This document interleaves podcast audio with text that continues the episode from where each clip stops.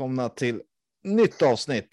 Äntligen igen av podcast 1932 med mig Adam Stahl och dig Andreas Nilsson. Hej! Andreas. Hej! Tjena, tjena. Jag tänkte att, Kul, och, kul att köra igen. ja, det, det, jag tänkte säga, det har tagit en stund, men nu har det väl inte gått allt för lång tid. Men eh, man saknar den. Vi hade lite kontakt där och eh, det är ju så att, eller jag som är ganska en positiv människa i grund och botten kan jag tycka. Sen andra kanske har en annan uppfattning, men eh, när det går bra för Färjestad eh, så blir man ju gladare och man blir mer pepp på att podda och prata än att bara prata, prata tråkigheter och negativa och allting är skit så är det lite, det är tråkigare att prata, man blir ju nedstämd själv. Nej, men eh, så är det. Du har ju helt klart en poäng i det. Och eh, idag är det mycket roligare att podda, för vi går ju dessutom tillbaka till våran grund att idag har vi med en gäst som vi inte avslöjar nu, utan det får ni höra senare vem det är. Så ja, men det är mycket som är positivt idag. Bra gäst, bra spel, mycket poäng. Vi är på topp sex igen, det, där vi ska vara. Eh, och enligt statistiken också som du tycker om så är vi just nu ett eh, topp sex-lag. Mm. Så är det. Eh, jag tog en snabb släng och det är ju alltså, statistiken ser bra ut. Det är inte så att vi kanske är eh, etta på allt, men som du säger, topp sex eh, i alla fall. Så det ser men eh, framförallt så har vi fått med oss och, och vunnit matcher. Eh, så vi har väl de eh, senaste matcherna en hel drös med vinster.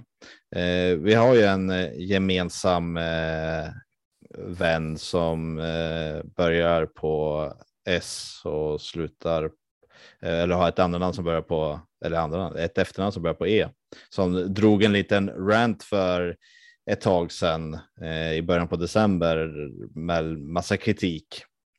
Eh, och jag gjorde en liten koll då och kolla vad hände efter den där den ranten eh, som han skrev på Twitter. Eh, och sen dess, alltså det var tre, han, om han skrev den den tredje eller andra december. Eh, men sen dess har vi alltså spelat nio matcher. Vi har vunnit åtta och förlorat en. Eh, och den förlusten var ju 08 matchen då mot Luleå. Eh, en av dem var eh, övertidsvinst. Så sju trepoängare, en övertidsvinst och en förlust. Ja, och det är ju fantastiska siffror, eh, bortsett den plumpen mot Luleå, eh, vilken våran gäst kommer eh, prata lite mer om sen. Nej, jag, Men jag vet inte vad du nära- kände kring den matchen. alltså, jag var ju på den. När det blev 08, då gick topplocket. Då, eh, jag var så arg. Jag, Men gick, det vid var- jag 08 eller gick det vid 07 eller 06 eller var det just 08? Nej, det var, det var 08. Då var eh, topplocket gick på mig. Jag var vansinnig, jag skrek. Ja, men, gjorde utlopp för allt. Liksom. Jag blev som en treåring som har förlorat sin spade och bara skrek rätt ut. Jag var, jag var så arg.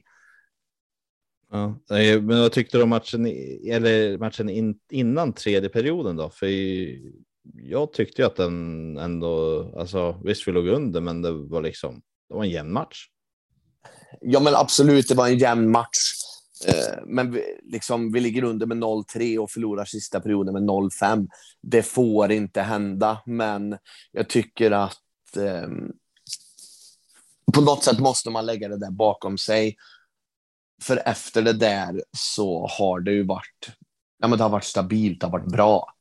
Ja. Eh, det har hänt någonting, men om vi ska återgå till den där eh, tweeten där. Jag, höll, jag håller med honom i mångt och mycket det han skrev då, för att jag själv var extremt orolig. Vart är vi på väg? Vi har ett svindyrt lag.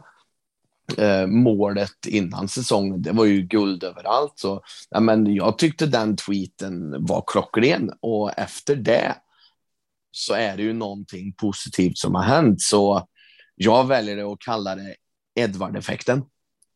Edvard-effekten, ja. Det får vara så. Eh, hoppas det. Och vad, vad, är det som har hänt då? Jo, vi har ju som, som jag sa vunnit en hel drös med matcher då.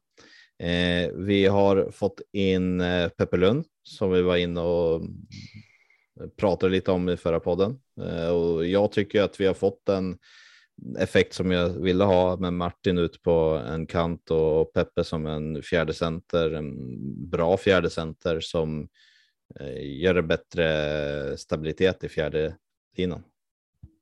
Ja, nej men vilken skillnad på våran fjärde kedja sen Peppe Lund kom in. Martin Johansson ska inte vara center, punkt. Mm. Han, fick en, han, han fick vikariera där i gårdagens match mot Brynäs på grund av eh, Linus Johanssons sjukdom. Då, men, eh, ja, nej men absolut, och vicka någon gång, men han ska inte vara ordinarie center. Ja. Så Peppe Lund hittills har varit en klassvärmning, för det är en väldigt billig värvning. Han ville hem.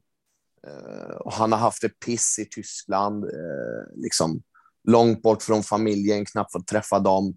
Nu kommer han hem, får se sina barn varje dag, se sin fru varje dag.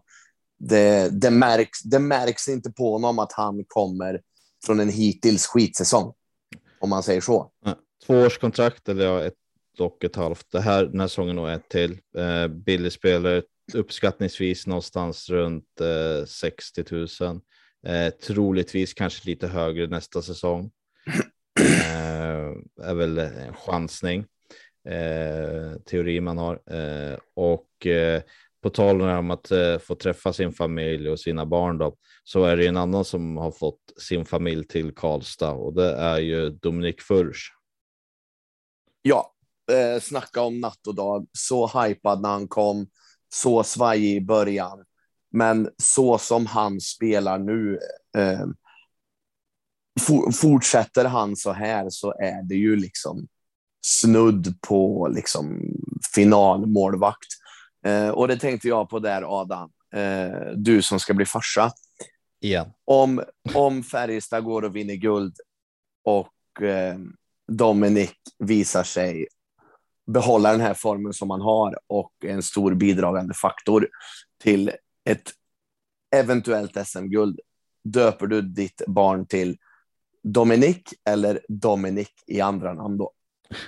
Jag tror du skulle fråga om, om först skulle bli min eller bli gudfar till barnet först.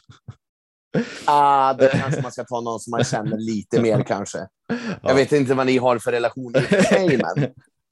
Ja, nej, men, äh, nej, men Dominik, äh, både Dominik och Dominik är ju, det är ett bra namn faktiskt. Äh, så jag ska nog inte säger jag inte. Det får sätta ett litet eh, frågetecken på det. Så, eh, men eh, ja, jag säger inte nej så här direkt. Och om det blir en pojk då så blir det ju Per i första namn efter Per Åslund och blir det en tjej så blir det Åsa som är hans smeknamn.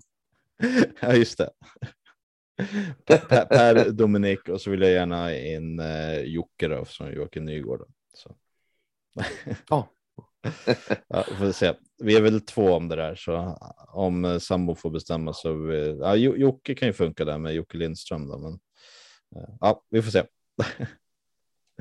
eh, nej, men eh, Dominik har ju varit grym, eh, riktigt grym. Och eh, visst, det var en, en jäkla plump mot eh, Luleå, men det var hela laget. Och det var ju liksom luften gick ur dem. Och jag tror luften gick ur förr också blev så här. Och många kritiserade att man inte bytte målvakt, men frågan om det hade, ja, vi kanske inte hade blivit 8-0, det hade blivit 0-6 istället. Liksom. Eh, jag tror inte det hade vänt matchen i övrigt, man tänkte väl att 0-3 stod och så gjorde 0-4 och så bara, ja, men det får försöka och så kom 0-5 och då känns det som, ja, vad ger det för mening med att byta ut honom i det här läget liksom? Eh, mm.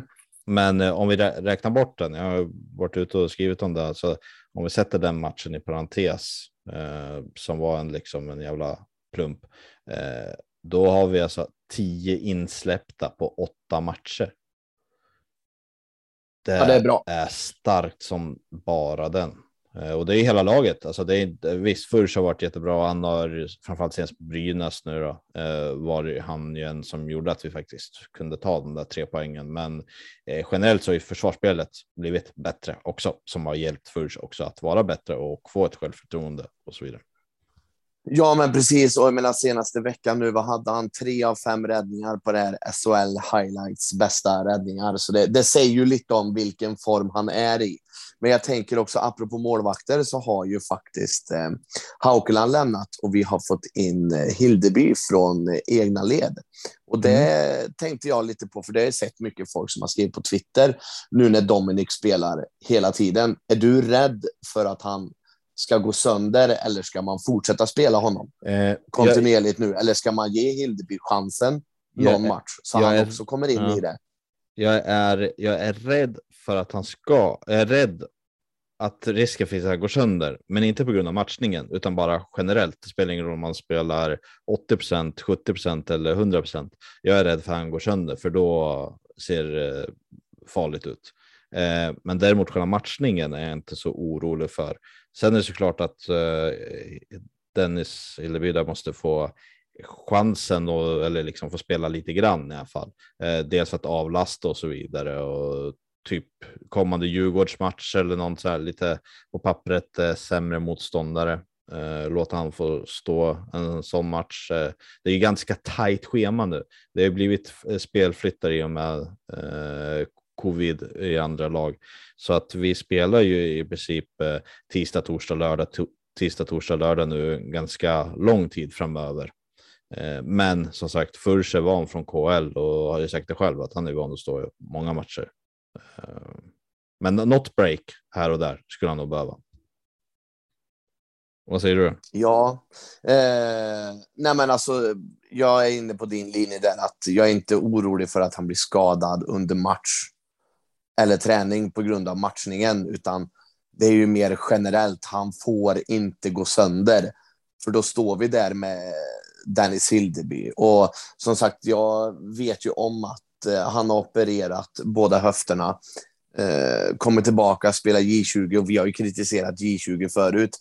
Eh, nu är det två helt olika dimensioner på J20 och SHL, men han har ändå han hade en räddningsprocent på 93 i vårat J20 som gick jättedåligt. Och när han kom in så vände det. Så det är nog ingen liksom katastrofmålvakt om du förstår vad jag menar. Eh, men det återstår att se. Mm. Men eh, vi har i alla fall en tydlig etta. Alltså jag tror att det kommer att bli så här, han står tio matcher, Hildeby en. Mm. Ja men absolut, uh, det, det lär ju vara en eh, cirkus eh, 80-90 procents matchning säkert. Eh, skulle jag tro. Ja. Men det känns ju jäkligt positivt målvaktsfronten i alla fall så sätt. Men jag som sagt, jag är livrädd om han skulle gå sönder. Eh, då blir det farligt.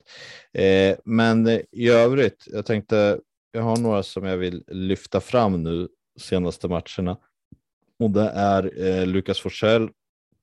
Eh, tycker han har varit en positiv eh, som junior liksom och eh, gasat på eh, rejält liksom och lite respektlöst liksom, eller alltså, utan att behöva visa någon respekt så, utan bara gasa, komma till några lägen och både passa och skapa lite virrigt i motståndare, eh, motståndares försvar. Eh, han är rightare, det gillar jag.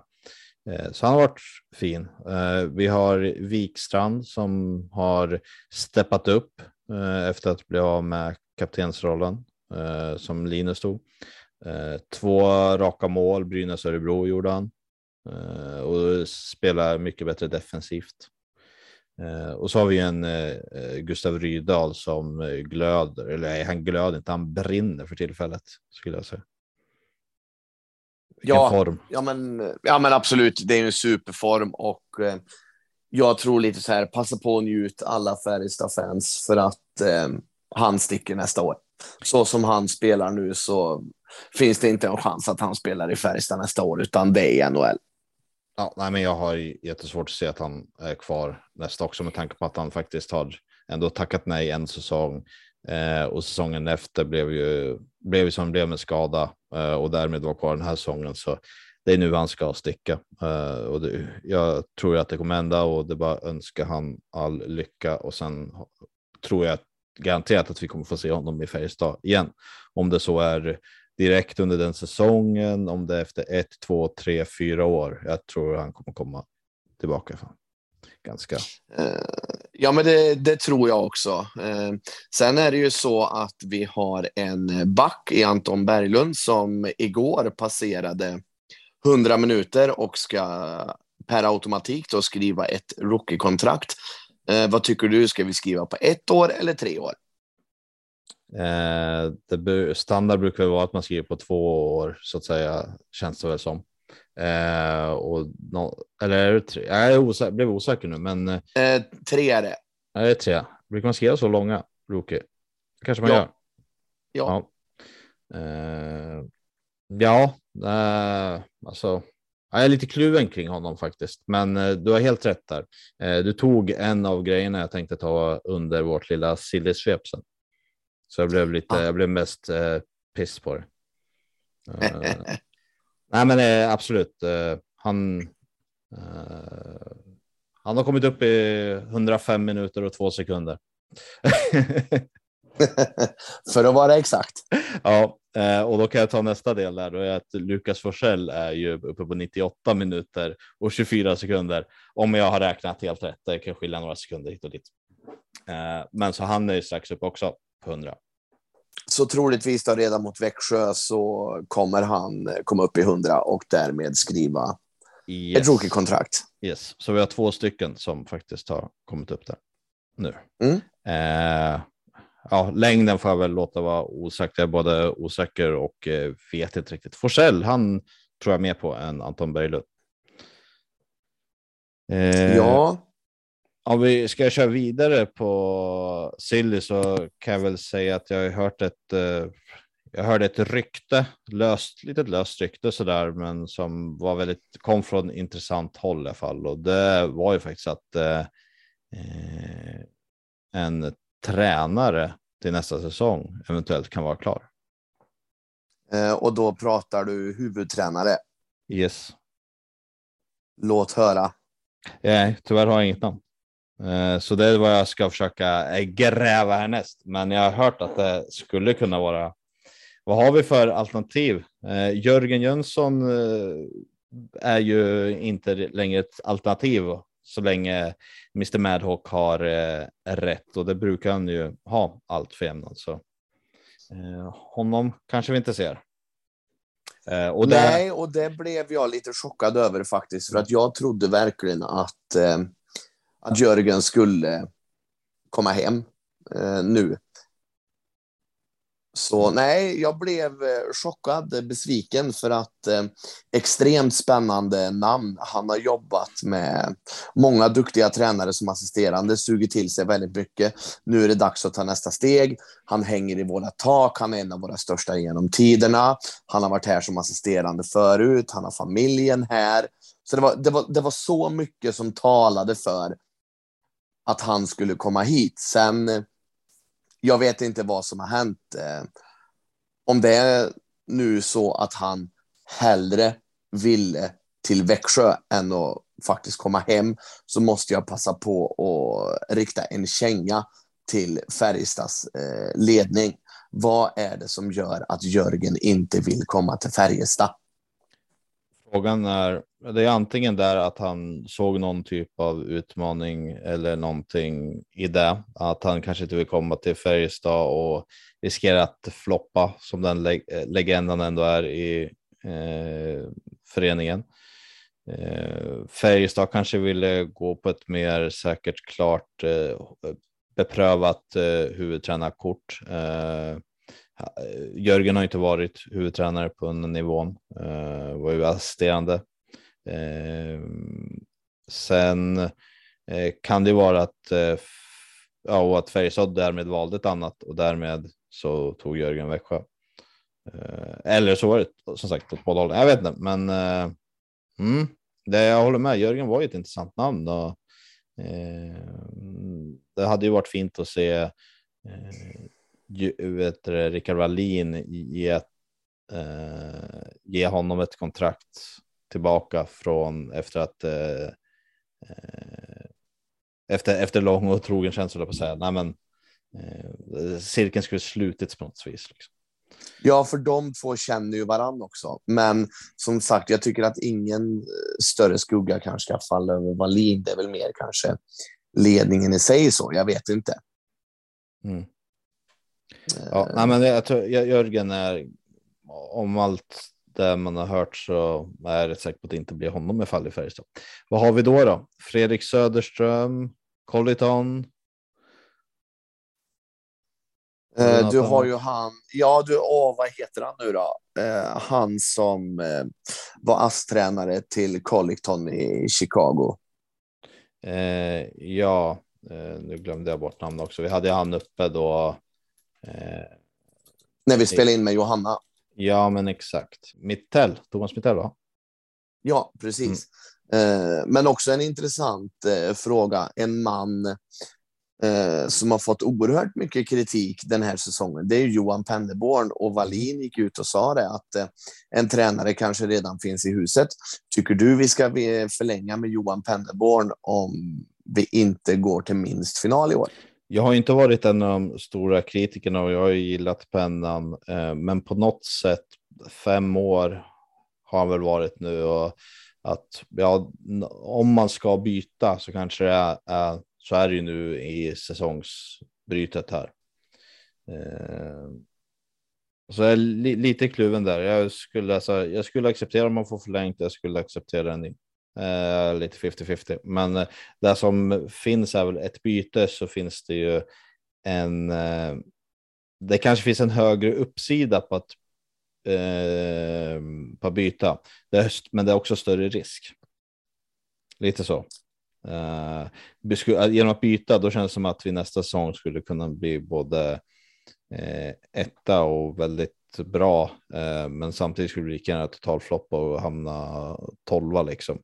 Uh, skulle vi fortsätta på pennan där vi känns att vi kanske som sämst kanske åtta, men ändå finns det en möjlighet till att hamna etta, även om den chansen, procentchansen är lite lägre. Ungefär så är väl känslan liksom. Mm. Pennan är ett mer stabilt, uh, säkert val. Uh, men ja, nej, man, på ett sätt skulle man kanske vilja se något, något nytt. Vad säger du? Eh, alltså går vi inte till minst final, då, då ser jag nog att vi skulle behöva en ny röst i båset. Sen jag högaktar Johan Penneborn som människa. Jag tycker han är en jätteduktig hockeytränare. Men någonstans är det en resultatbaserad bransch och eh, Färjestad har ett så pass starkt lag på pappret så att det ska kunna vara med eh, ganska långt in i det här slutspelet. Mm. Så ja, blir det inte final så ser jag nog tyvärr att en ny röst hade varit nyttig. Ja, eh, om vi går över till lite eh, kritik, saker som har varit lite sämre då. Eh, då skulle jag nämna några saker. Då har vi dels Ejdsell. Eh, jag tror det är han uppe i åtta matcher utan poäng nu eh, och för att vara en sån spelare som han är så att inte ens ha en poäng liksom. Det är en sak med åtta matcher utan mål, men åtta matcher utan en enda poäng.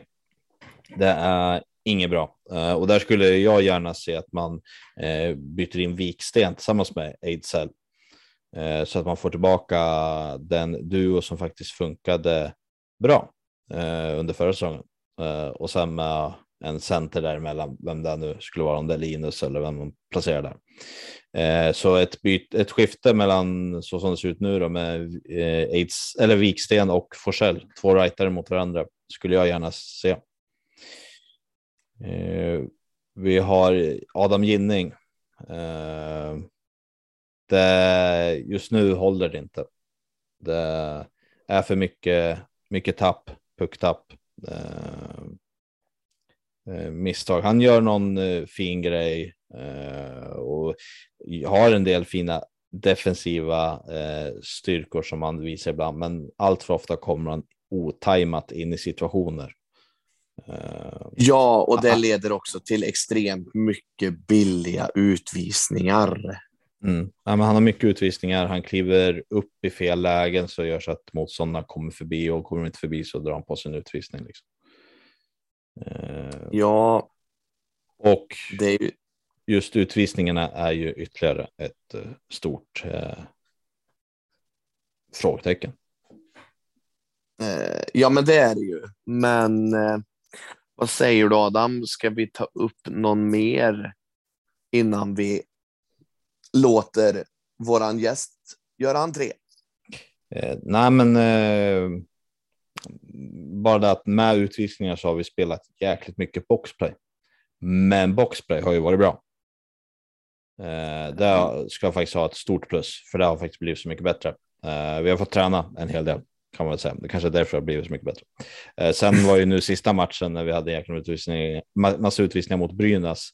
Eh, så var ju Brynäs ganska kassa på powerplay.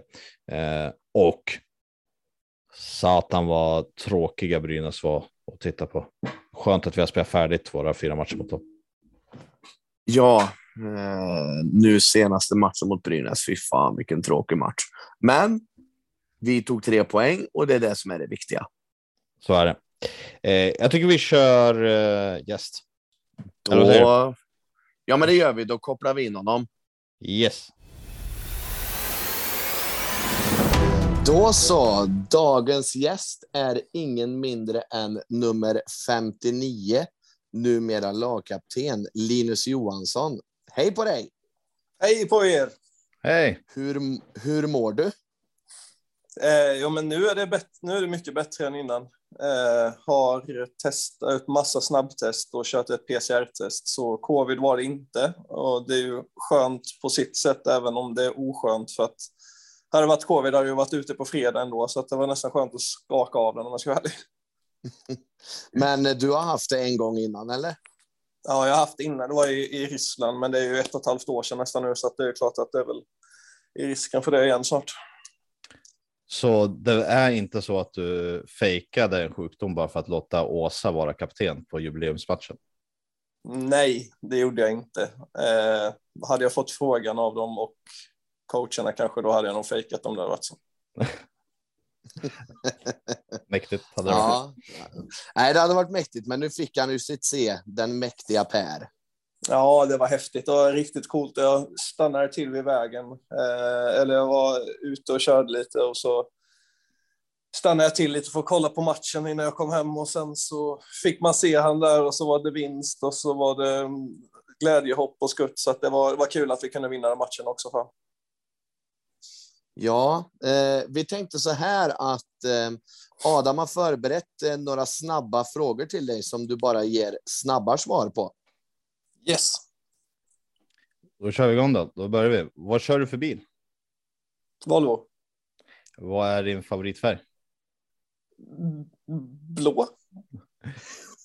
Du har M på klubban. Texten M. Varför? Ja. Eh, för att eh, min pappa har blivit kallad och har det i sitt namn och nu har alla bröder i familjen också. Eh, en första målvakt eller två eh, som alternerar? Det här första. Eh, Alltså, du blir assisterande sportchef till Rickard Wallin inför nästa säsong parallellt, för han är ju själv nu. Han behöver ju stöttning. En realistisk värvning till laget. Herregud. Inte en jävla aning. Det är alldeles för långt fram för mig. Då. Du har fokuset här, här och nu. Då. Ja, och för att jag kanske är lite... Jag har svårt att tänka långt fram ibland. Ja. ja, men det är bra. Vi, vi ska ju faktiskt fokusera på den här säsongen till att börja med kanske. Jag Eh, alla jag skulle få chansen att bli assisterande sportchef och, och sluta på hockey. Då tänkte jag så ska jag säga ja eller nej. ja. eh, OS då? Ja. Ja, det är ett ja på det. Skulle du säga. Eh, alltså, fick vadå? frågan. OS? Ja, om du fick frågan. Du, du, vad känner du kring OS? Ja, för fan. Ja. Yes. Ja, det var de snabba. De var inte så farliga. Eh, nej, sen- de var ju dumma. Ja, absolut. Vi brukar vara rätt snälla här.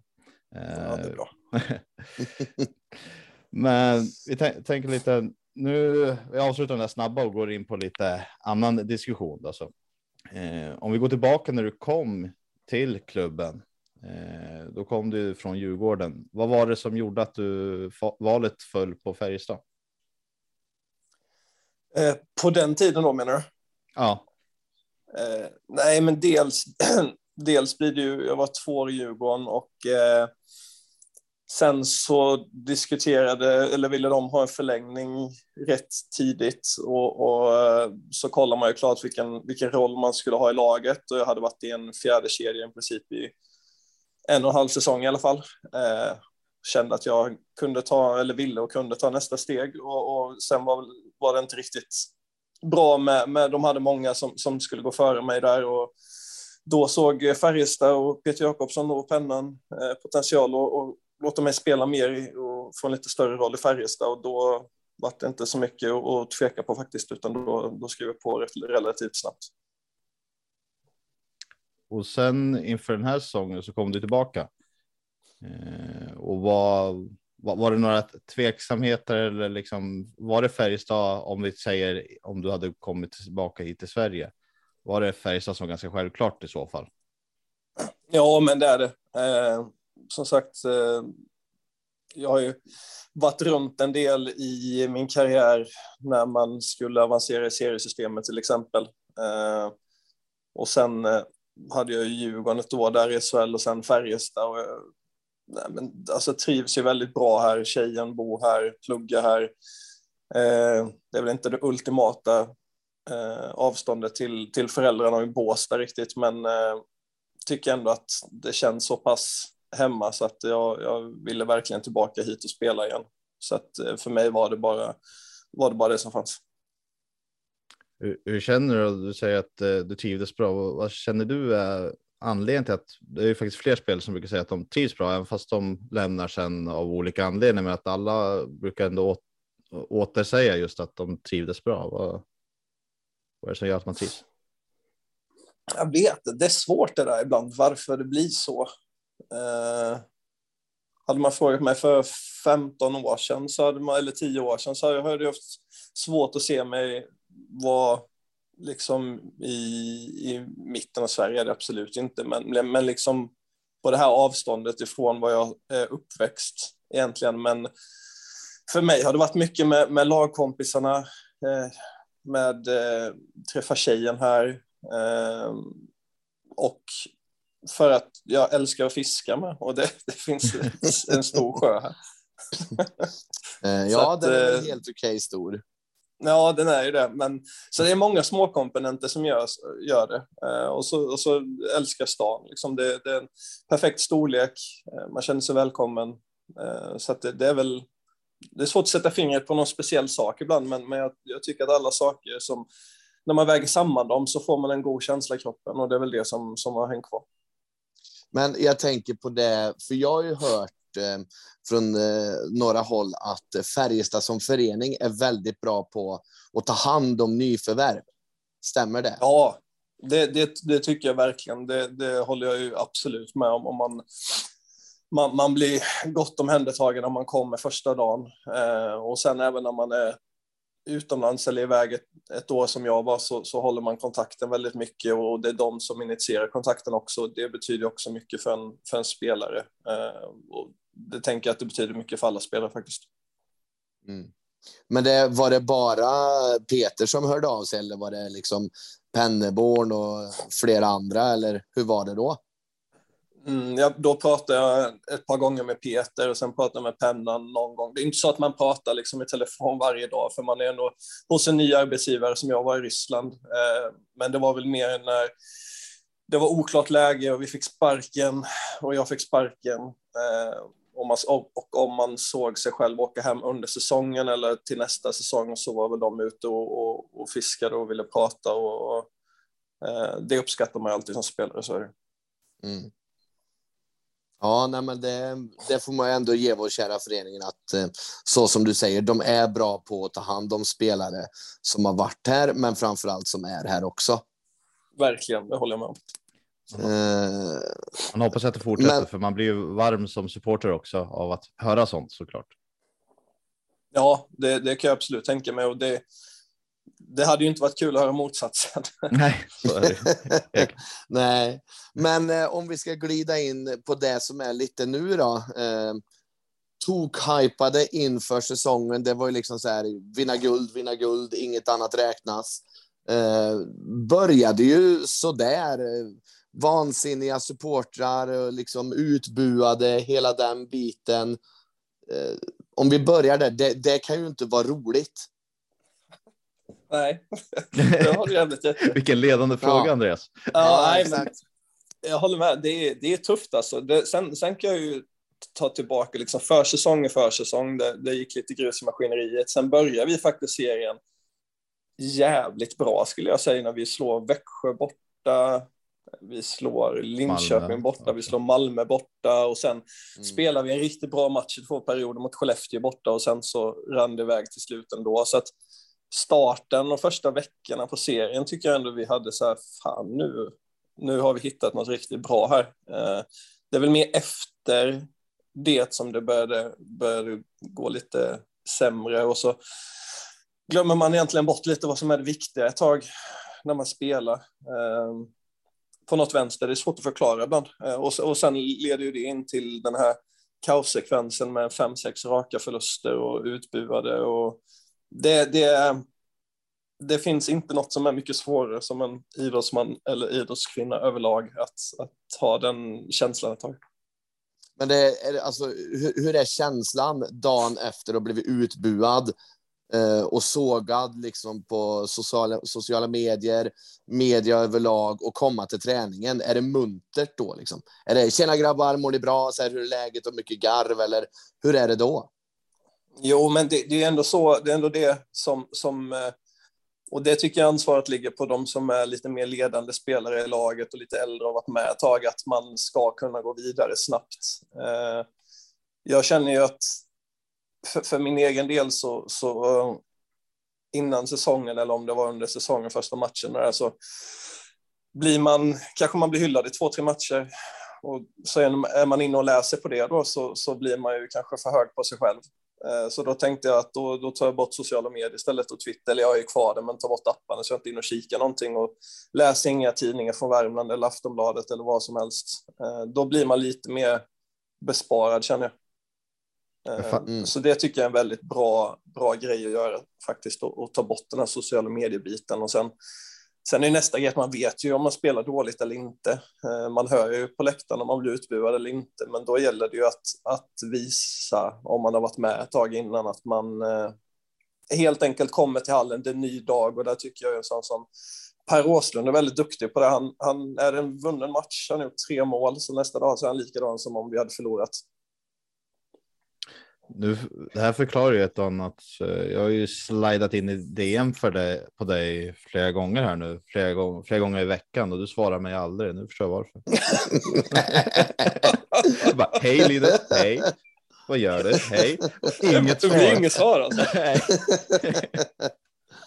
Ja, men helt allvarligt så, så, så har jag faktiskt sagt det. Jag har ju pratat med en kille, han är inte psykolog, men han är någonstans, eh, han, han är ett litet bollplank, liksom utifrån en, en, en, liksom en, en kompis, eh, lite äldre, som jag pratar med ibland. Och jag sa det till honom också, eller förklarade situationen, hur du kan känna sådär ibland, och då sa han att eh, då, då håller du bara locket på, så läs inte så mycket, svara inte på saker, skit i allt ett tag, liksom, man bara fokuserar på, på hockeyn egentligen. Så om Adam skriver hej imorgon, då svarar du alltså? Den är Nej, det är nog inte. ja, nej, men för sen hände ju någonting. Ehm, det, nu är det ju, bortsett Luleå-matchen där, så nej, men det är ju bra igen. Vi spelar ju bra och vi är uppe på topp sex. Vad, vad är det? Har, det, har det hänt något speciellt eller har det bara trummat på som vanligt? Så jag tycker ju att efter den här långa förluststreaken vi hade, så efter det så började, jag tror det var Örebro borta innan landslaget, där första landslagssamlingen, så, så gör vi saker rätt och vi spelar bra och vi är bättre än Örebro borta den matchen. Men, men när man är inne i skiten så förlorar man alltid de där ändå på något vänster. Så att det gäller att jobba sig upp därifrån och sen när man jobbat upp sig därifrån så har vi spelat bättre. Och nu senast, jag vet inte vad det är, tio matcher eller någonting, så har vi väl en sex, sju segrar i alla fall. Eh, och då har vi pratat en del om, om just den här stressen, att om vi ligger under med 1-0 på hemmaplan, att man måste inte åka och jaga varje puck som finns på hela planen, för då blir vi så brutalt långa i laget. Eh, och kunna värdera lägena lite mer att, att vi kommer göra mål, men vi behöver inte göra mål varenda byte vi inne på isen. Det är väl det jag kan känna ibland, att man, när det går dåligt så vill man göra det och man vill göra det, man vill visa och så gör man det själv istället för att göra det som en grupp och en femma.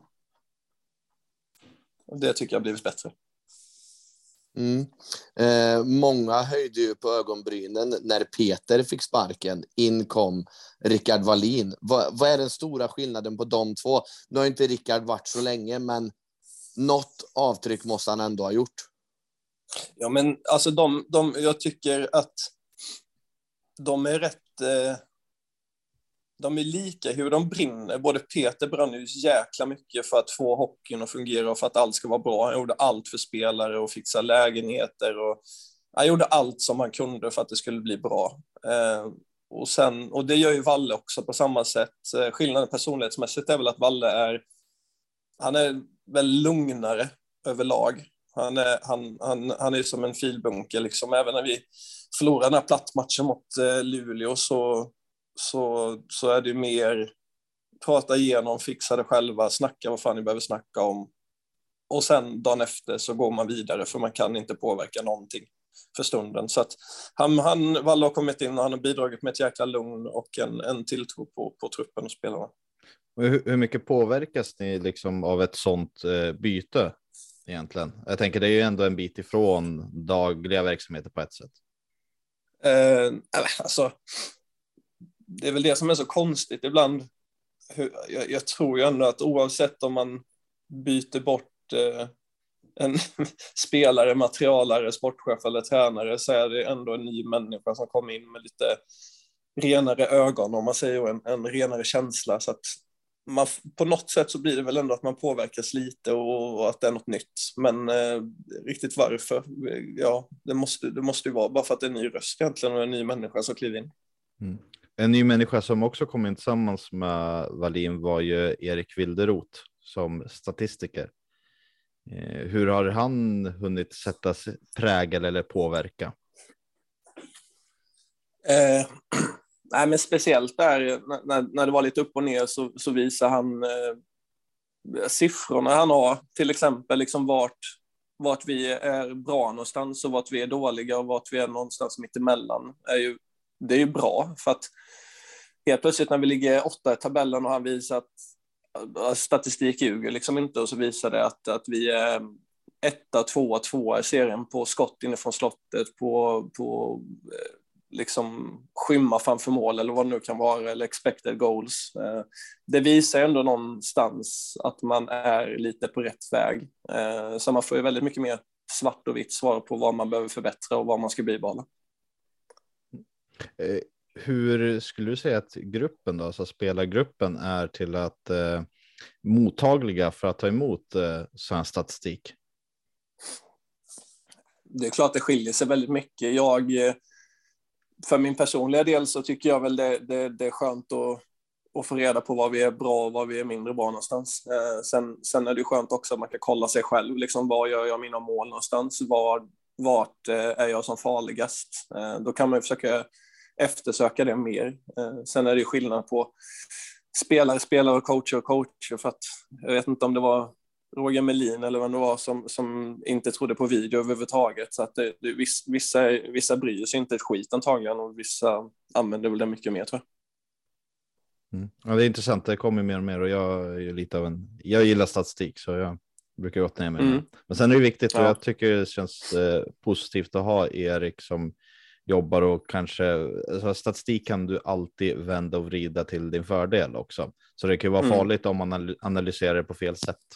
Så det är väl bra. Ja, så är det verkligen. Men han är ju väldigt skarp den här killen och, och eh, har ju tagit ut det som är mest grundläggande för att vinna match enligt hans magiska formler. Ja, nej, men det, det låter ju spännande och det känns ju som att eh, hockeyn idag går, är ju mer och mer analytisk. Så värvningen av han eh, har vi pratat om i podden tidigare. Det kan ju visa sig vara guld värd, alltså kanske inte redan i år för det är så pass nytt, men de kommande åren. Det tror jag verkligen. Jag tror det är en jättebra värvning att få in honom också. Ja, men om vi bara ska gå till de senaste matcherna nu. Eh, hur, hur, är det liksom eh, gå från fullsatt till mer eller mindre tomt? Är det någonting ja, det som ju... påverkar er? Alltså, det, det är jag vet inte. Alltså för, för, jag vet inte om det är sämre om det skulle vara det från början av säsongen eller bättre, men det är klart det blir ju Alltså, alltså för spelare, jag tr jag tror så här, för spelare som behöver den här laddningen från publiken så blir det sämre. Och jag känner ju själv också att det blir ju absolut inte roligare för att då en tackling eller ett täcka skott eller ett monsterbyte i boxplay får man ju inte alls samma man får ju samma erkännande i båset, men man får ju inte då publiken och man kan ju väcka en hel publik genom att göra någonting som inte är i närheten på att generera ett mål. Eh, så att det är klart att inramningen och, och laddningen blir ju mycket svårare utan publik, det, det kan jag ju lugnt säga. Ja. Ja, nej, det, det är konstiga tider. Jag tror vi var 13 personer på ståplats igår.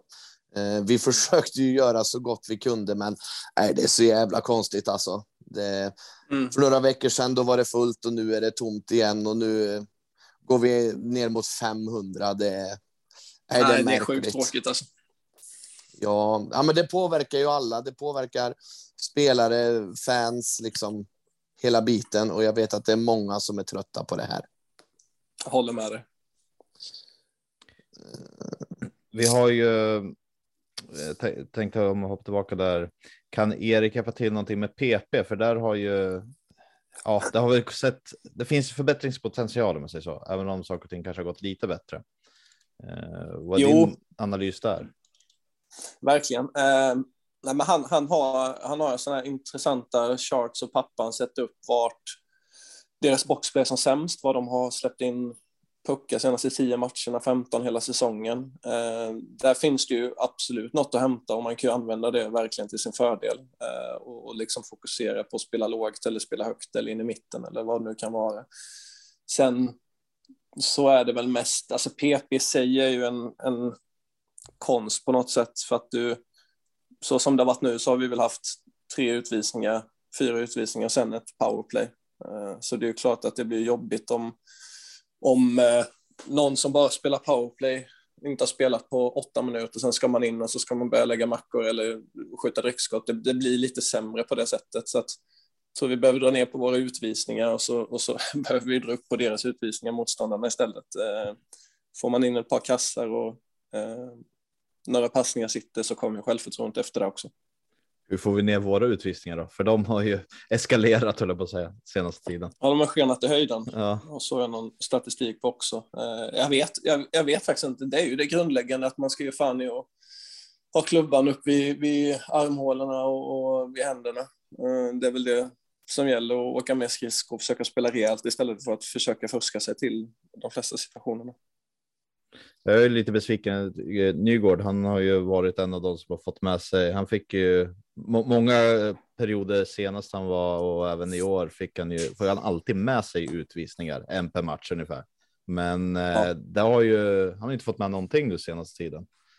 Så. Nej, och det är väl det kan jag tycka är lite konstigt faktiskt, för att det har ju varit, vi har sett en hel del situationer där han har och som tusan och haft klubbor runt sig vid händerna och fötterna och midjan och allting och sen så tappar han kanske en puck och sen så slår han på en klubba så får han utvisning. Det rimmar inte riktigt för mig. Eh, och det rimmar inte heller när man, när man styr en match och man är dominant i en match och har mer utvisning än motståndaren. Det, det kan vara lite konstigt ibland. Nej, jag har ju en teori där. Jag var faktiskt i, på plats på Löfbergs och fick hänga med domarna eh, en, en match mot Rögle. Eh, mm. Den när de vände i slutet, eller ja, vi vann ju på sadden, men eh, då fick jag följa med och vara med och höra snack emellan och snacka innan och så vidare. Och de har ju koll på, på er alla spelare och specifika individer så att säga. De lägger upp en taktik inför match precis som lagen gör. Och jag tänker ja. att det kan ju vara någonting att de har ju sett där att Nygård får alltid med sig som analyserat och så ja, kanske tycker att han har fått lite lätta och att det blir svårare för honom att få med sig dem numera. Jag vet inte. Ja. Det kan nej, vara det, så. Det är Efter snacket jag hörde där så skulle det inte förvåna mig. Alltså att... Nej, nej, nej, det, så kan det absolut vara, men, men då får man nog se sig i spegeln lite för att det, det är en ny match hela tiden så att det mm. kan inte få åka ut för gamla synder tänkte jag säga. Nej. Eller så mm. håller ni bara med mig. Jag tycker att domarna är mm. bedrövligt usla. jag får inte säga något. Nej, jag tänkte säga det. Vi vill inte ha några böter här i onödan. Nej, fan. Hade, hade, hade, du hållit med där Linus hade vi inte klippt. Nej, jag förstår nästan det också. Nej då, men det, jag, jag är en supporter, jag brinner för det här. Liksom. Det, nej, jag tycker de är, håller en så jävla dålig nivå. Men det är jag. Ja, det har varit några, några, några tveksamma, nu, framförallt senaste tiden kan jag tycka. Eh, ja, verkligen. Åt, åt, båda hållen ska jag säga. Ja, det håller jag med Så, ja. Men eh, det, jag, det jag lärde mig från det var ju att de, även fast de har haft tveksamma nu, så engagemang finns kring domarna. De vill göra det bra. Sen är det såklart att eh, de har bättre och sämre dagar. Sen har de haft en formdipp, lite som vi hade mitt i säsongen då, just nu. Ja, precis. Eh, på powerplay, eh, det har pratats mycket om att man vill ha fler rightare och att det ska kunna bli bra lägen för eh, direktskott. Har, har, ni pratat någonting? För jag vet på i PP när det är tekning vid vänster, mitt, eh, vänster tekningscirkel så kan mm. till exempel Virtanen stå på vänster sida, inte ställa sig på ett bra direktskottsläge mer centralt. Eh, mm. Brukar ni prata om de här delarna? Finns det någon anledning till att han inte står redo för direktskott. Det blir liksom omständigt att behöva hitta positioner efteråt och så vidare. Mm, eh, lite så blir det ju. Sen är det svårt att...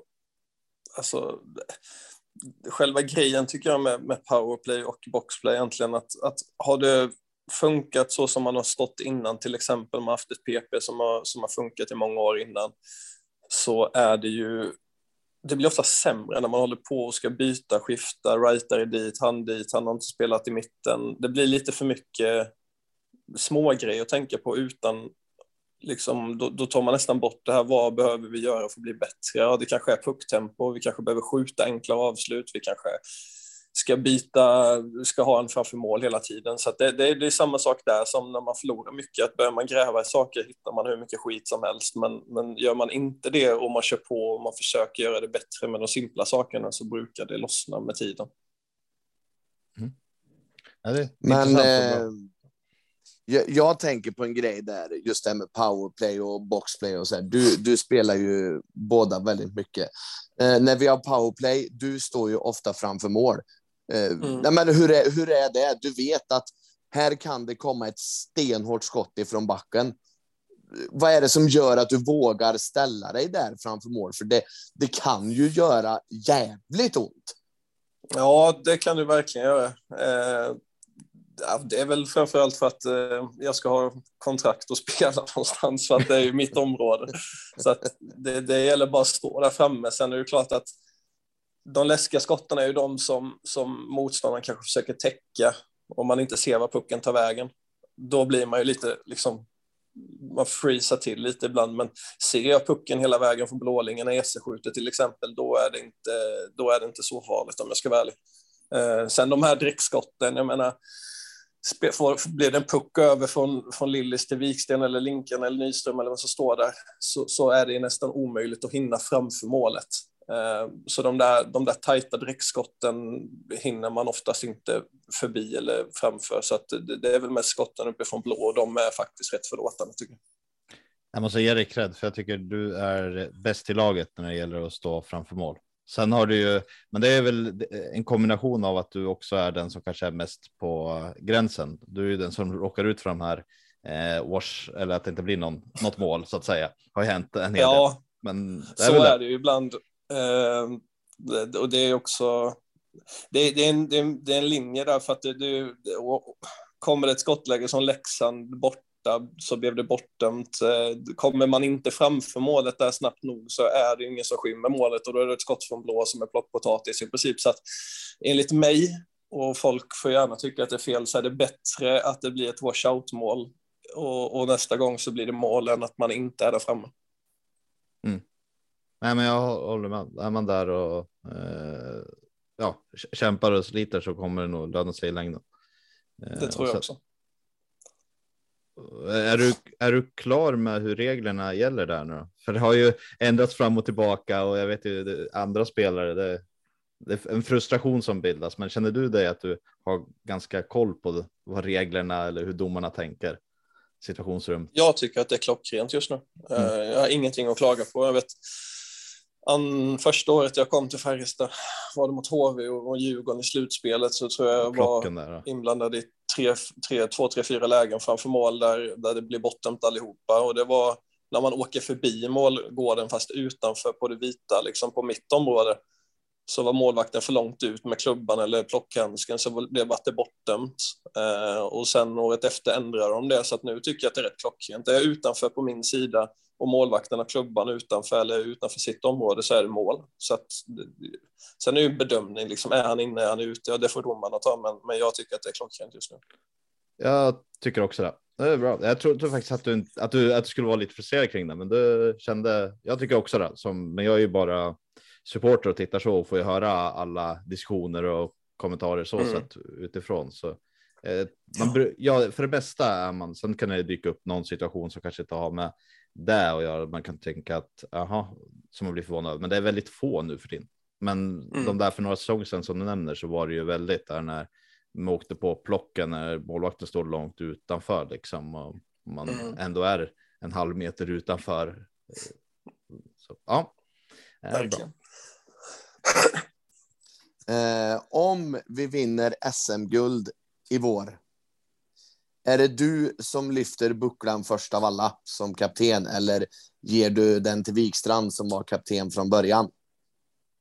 Vilken jävla fråga. Jag hade nog, jag hade nog gett bort den tror jag faktiskt. Jag tror inte jag hade åkt fram och tagit den utan jag hade väl eh, gett den till Wikstrand eller till Per Åslund kanske. Det hade varit mäktigt av ren respekt för att det, oavsett vad så kan man inte komma runt någon som gjort mest matcher i Färjestads historia. Så att, ja, så hade det blivit. Nej, den, eh, den kommer ju bli svårslagen. Eh, Jocke Nygård har ju sexårskontrakt, men jag tror inte vi kommer få se någon som slår Pers rekord med tanke på att han har ett år kvar och säkert fler år kvar på elitnivå också. Ja, herregud. Jocke får väl spela tills han är 44. ja, vad var det Chris Chelios spelade att han var 45 i Detroit så. Ja, Jagger spelar fortfarande så att det går. Jocke Nygård, 49 år och åker runt.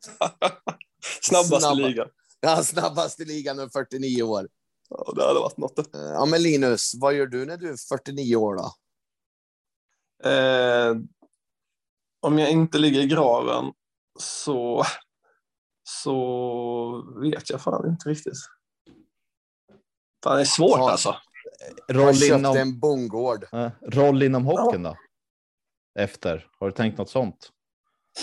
Alltså, tränare, så jag vet inte, jag tror aldrig jag hade kunnat vara en tränare. Eh, någonting, alltså jag gillar, jag, jag, gillar ju, jag gillar ju att jobba med människor och jag gillar att ha någon, något mål med, med det man gör.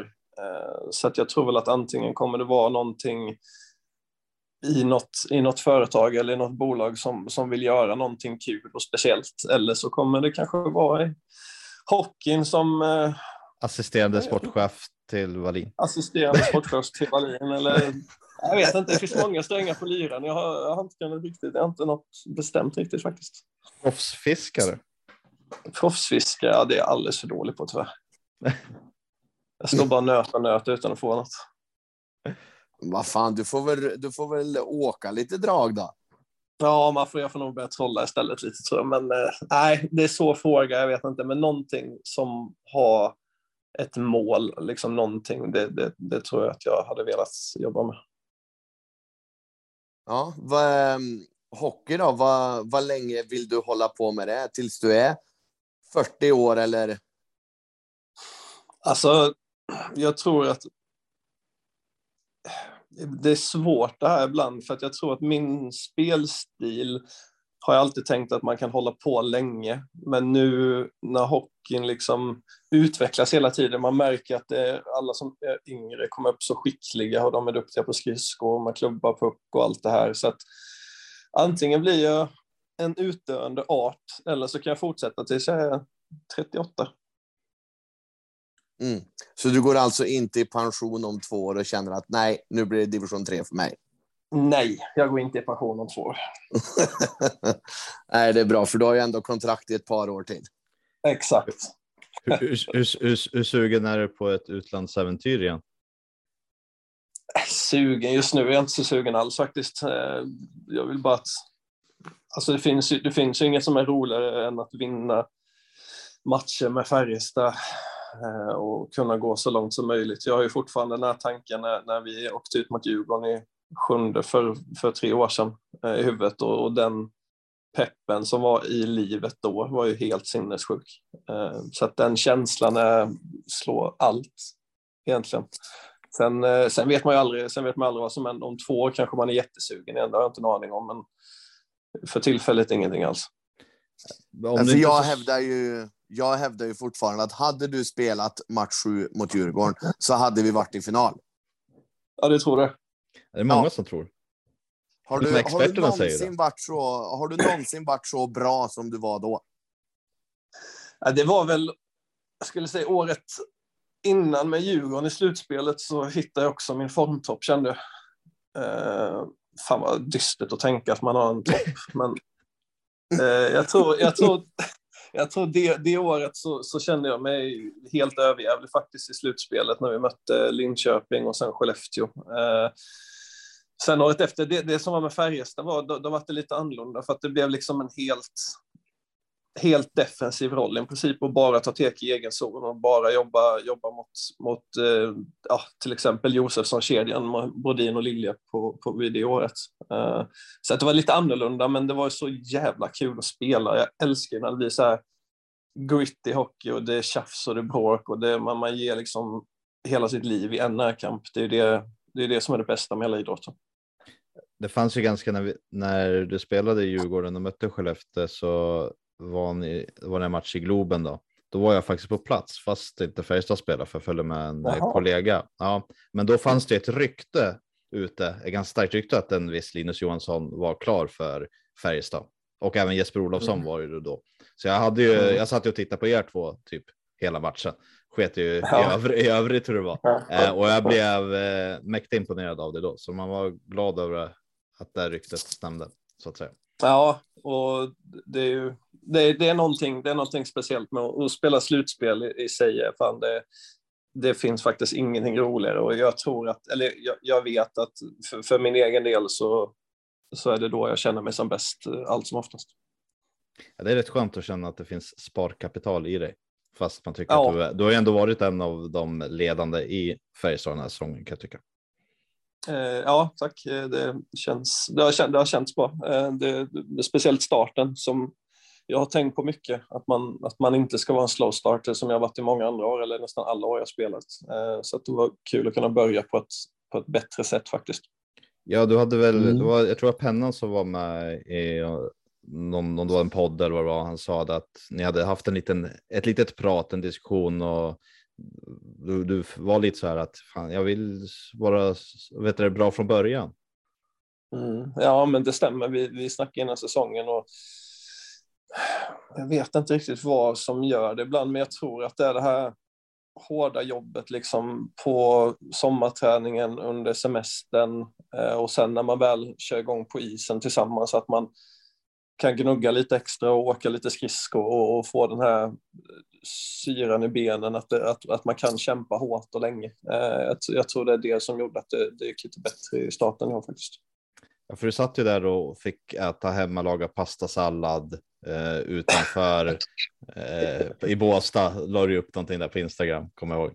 Ja, du ser, det var ingen bärs där. Det var bara hemma, laga pastasallad, tennis på vilodagar och vatten. Ja, du ser. Då ja. grunden läggs. ja, exakt. Andreas har en annan grund han lägger under sommaren. Den dieten Ja. är annorlunda. Ja. Jajamän. Men jag tänkte på en grej som är rätt intressant. Eh, Man kan väl ändå säga att du har ju tagit den långa vägen till eliten. Ja. Via, spe, Ja, via tack. spel i Norge och Mora och du har bitit lite spelare till höger och vänster. Och, Ja. eh, nej, men skämt åsido. Men eh, hur har det varit att gå den långa vägen? Var du någon gång nära liksom att nej, nu skiter jag i det här? Ja, en gång var det, men det var ju tidigt, tidigt. Det var när jag kom hem från USA hade spelat lite juniorhockey och jag mådde skit. Och sen skulle jag tryout med Troja i allsvenskan och så var Patrik Ross tränare då. Och då så var det egentligen ingen tryout utan jag tränade det där på sommaren och försäsongen och sen så skulle det spelas matcher. Jag hade väl två byten på fem matcher och sen så vart jag bortplockad. Um, Då var jag rätt sugen på att hänga på mina polare och jobba jobba, jobba på Strålfors och supa på helgerna. Så att då var det rätt nära att jag slutade faktiskt. Men då kom Nittorp och, och två polare som jag hade då så, som sa att de skulle spela där och då tänkte jag att ja, men det kan vara kul att spela lite. Och det var i division 1 eller?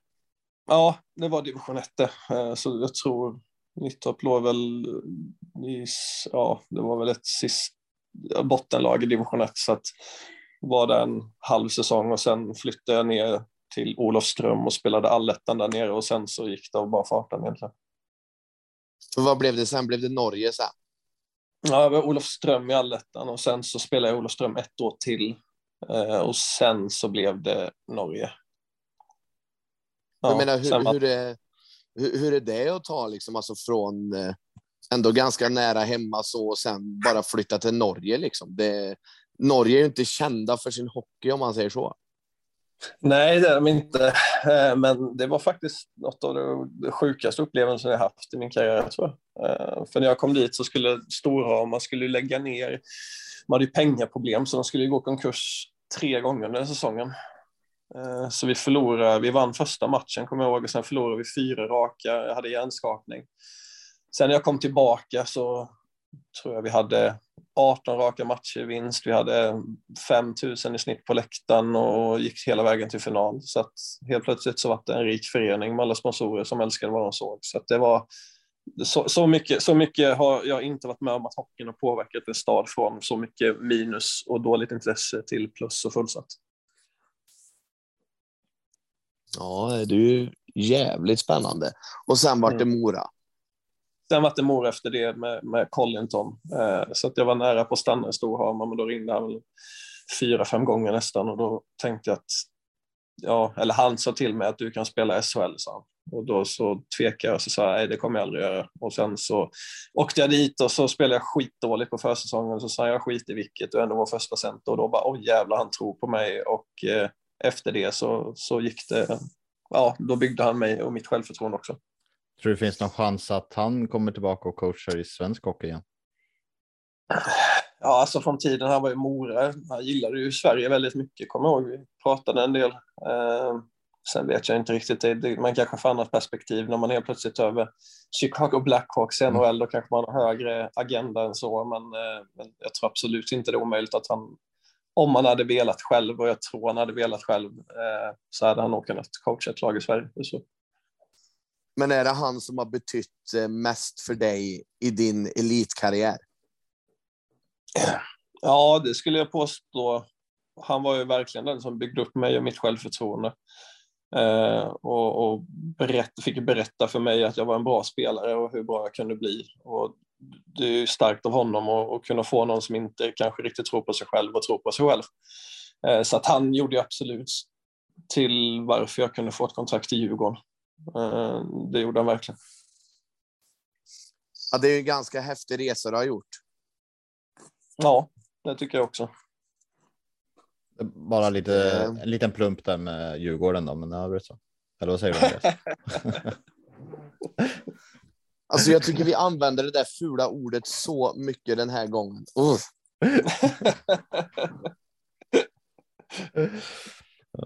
Men eh, Kan, kan, vad ska jag säga Andreas? nej, alltså, kan vi inte kalla den klubben så här, det som inte får nämnas vid namn? Det är liksom vi, vi är Harry Potter och han är Voldemort. Liksom. Ja, du Eller menar Djurgården är Voldemort. Voldemort. Ja. Ja, herregud. Ja, vi hade inför säsongen så hade vi, vi körde supportrar till olika lag, ett avsnitt per, eller inte ett avsnitt, men vi hade olika, alla lag då. Eh, när vi körde Djurgårdsavsnittet så fick jag ta det själv, då ville inte Andreas vara med.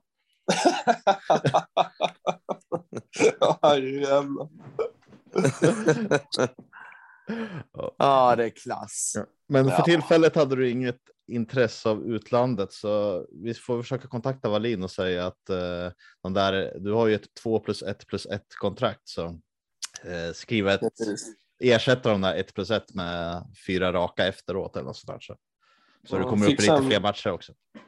Fixa en fiskebåt så är det klart. Så enkelt. Ja. Ja, fan, då, kan då, då, då kanske man ska gå in och sponsra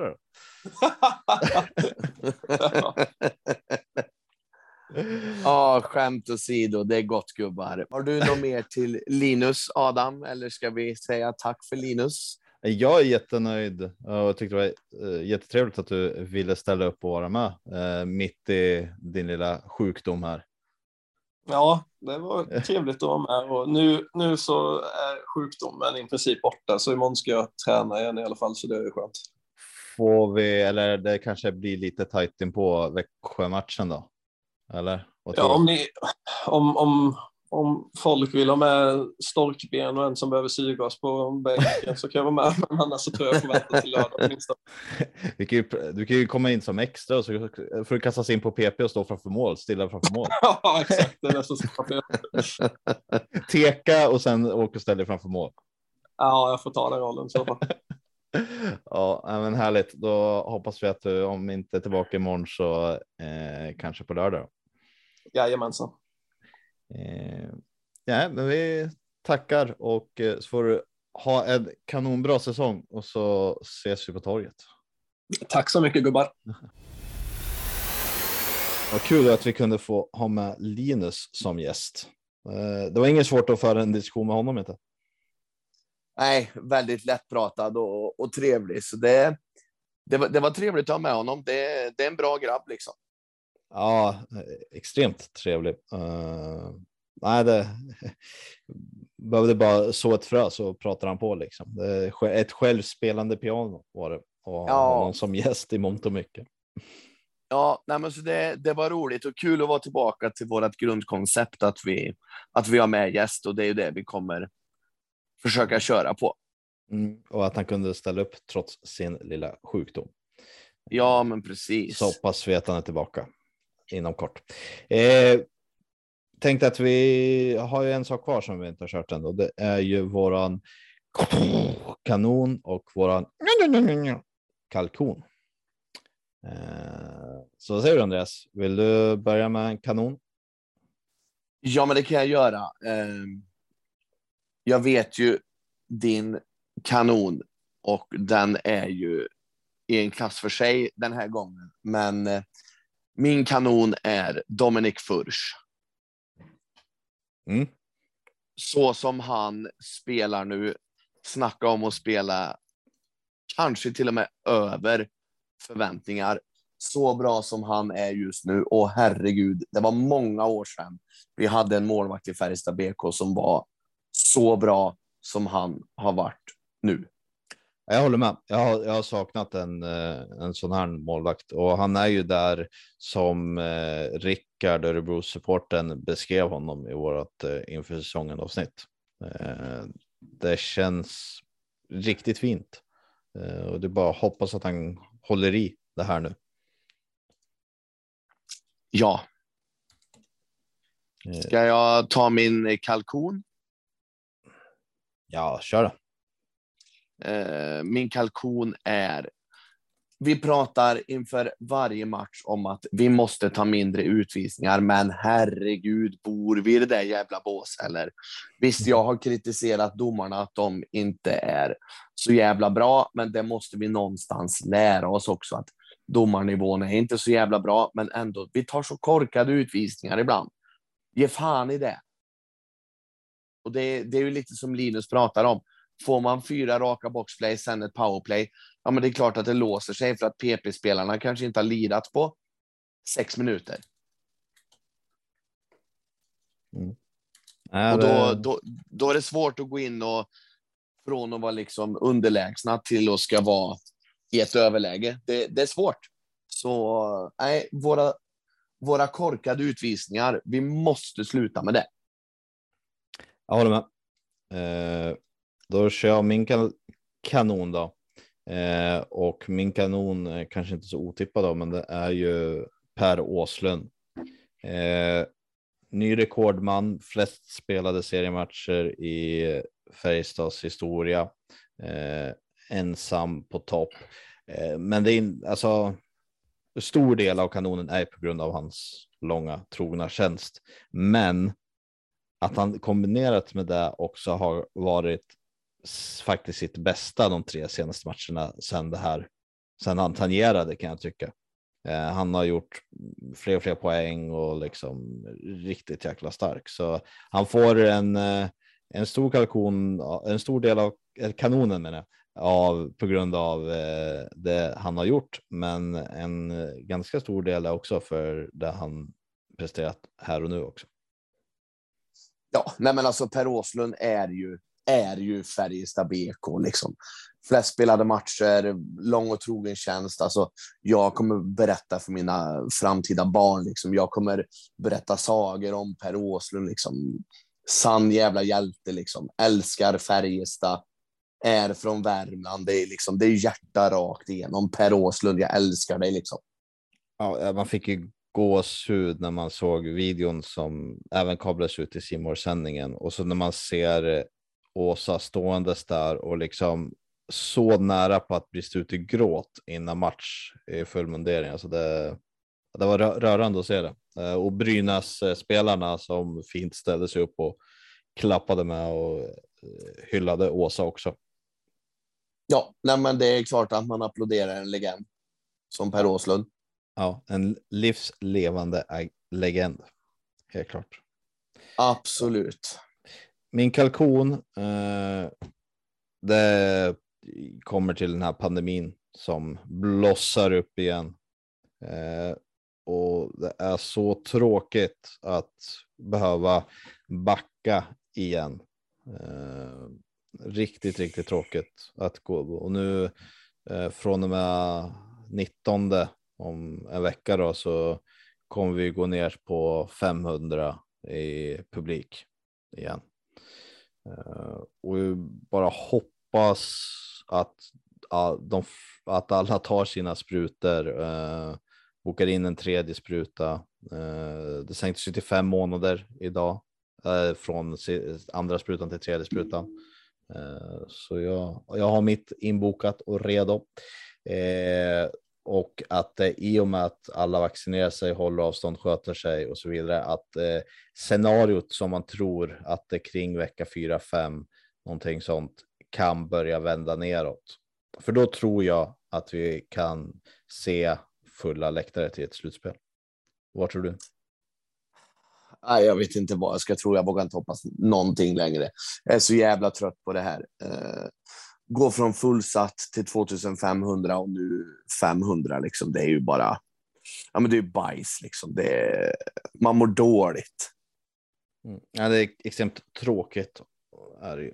Eh, men jag har, en, jag har en positiv känsla ändå i det långa loppet. Det här, nu är inte jag, jag är långt ifrån någon eh, pandemiexpert, epidemiolog och allt vad det heter, men eh, eh det, den här ska ju, jag märker ju det i mitt eh, arbetsliv, alltså det här, det är både det och privata, den ena efter andra blir ju smittad av det här. Tack och lov så är den inte, verkar den vara mildare. Eh, och kanske kan man uppnå någon typ av sån här flockimmunitet och så vidare kombinerat med vaccin vaccinationen. Eh, och många då är nyvaccinerade nu under våren så ja, vi kanske jag, jag, jag håller tummarna helt enkelt. Ja. Eh, vi, vi får se vart det landar. Just nu har jag inte hopp om någonting. äh, det, man, man måste ha lite hopp annars kommer vi ingenstans. Ja, Men, så är det väl. Yes. Men du, Men, men eh, eh, det blir en spännande period framöver för vi har, eh, som jag var inne på förut, vi har matcher. Det är tisdag, torsdag, lördag, tisdag, torsdag, lördag, lång tid framöver. Så får vi se hur eh, det blir. Eh, så länge vi vinner så är det ju svinbra. Eh, ja, men så är det ju. Sen måste ju folk förstå att förr eller senare kommer det en förlust eller två, men eh, där vi är nu, det, ja, men det är bra. Liksom. Det, fortsätt så här. Jag vill nästan se en förlust för att se hur alla kommer skriva sparka för sparka pennan direkt. Ja. Det brukar gå ganska fort åt det här hållet. Det går snabbt ner och sen tar det ja. jäkla lång tid upp.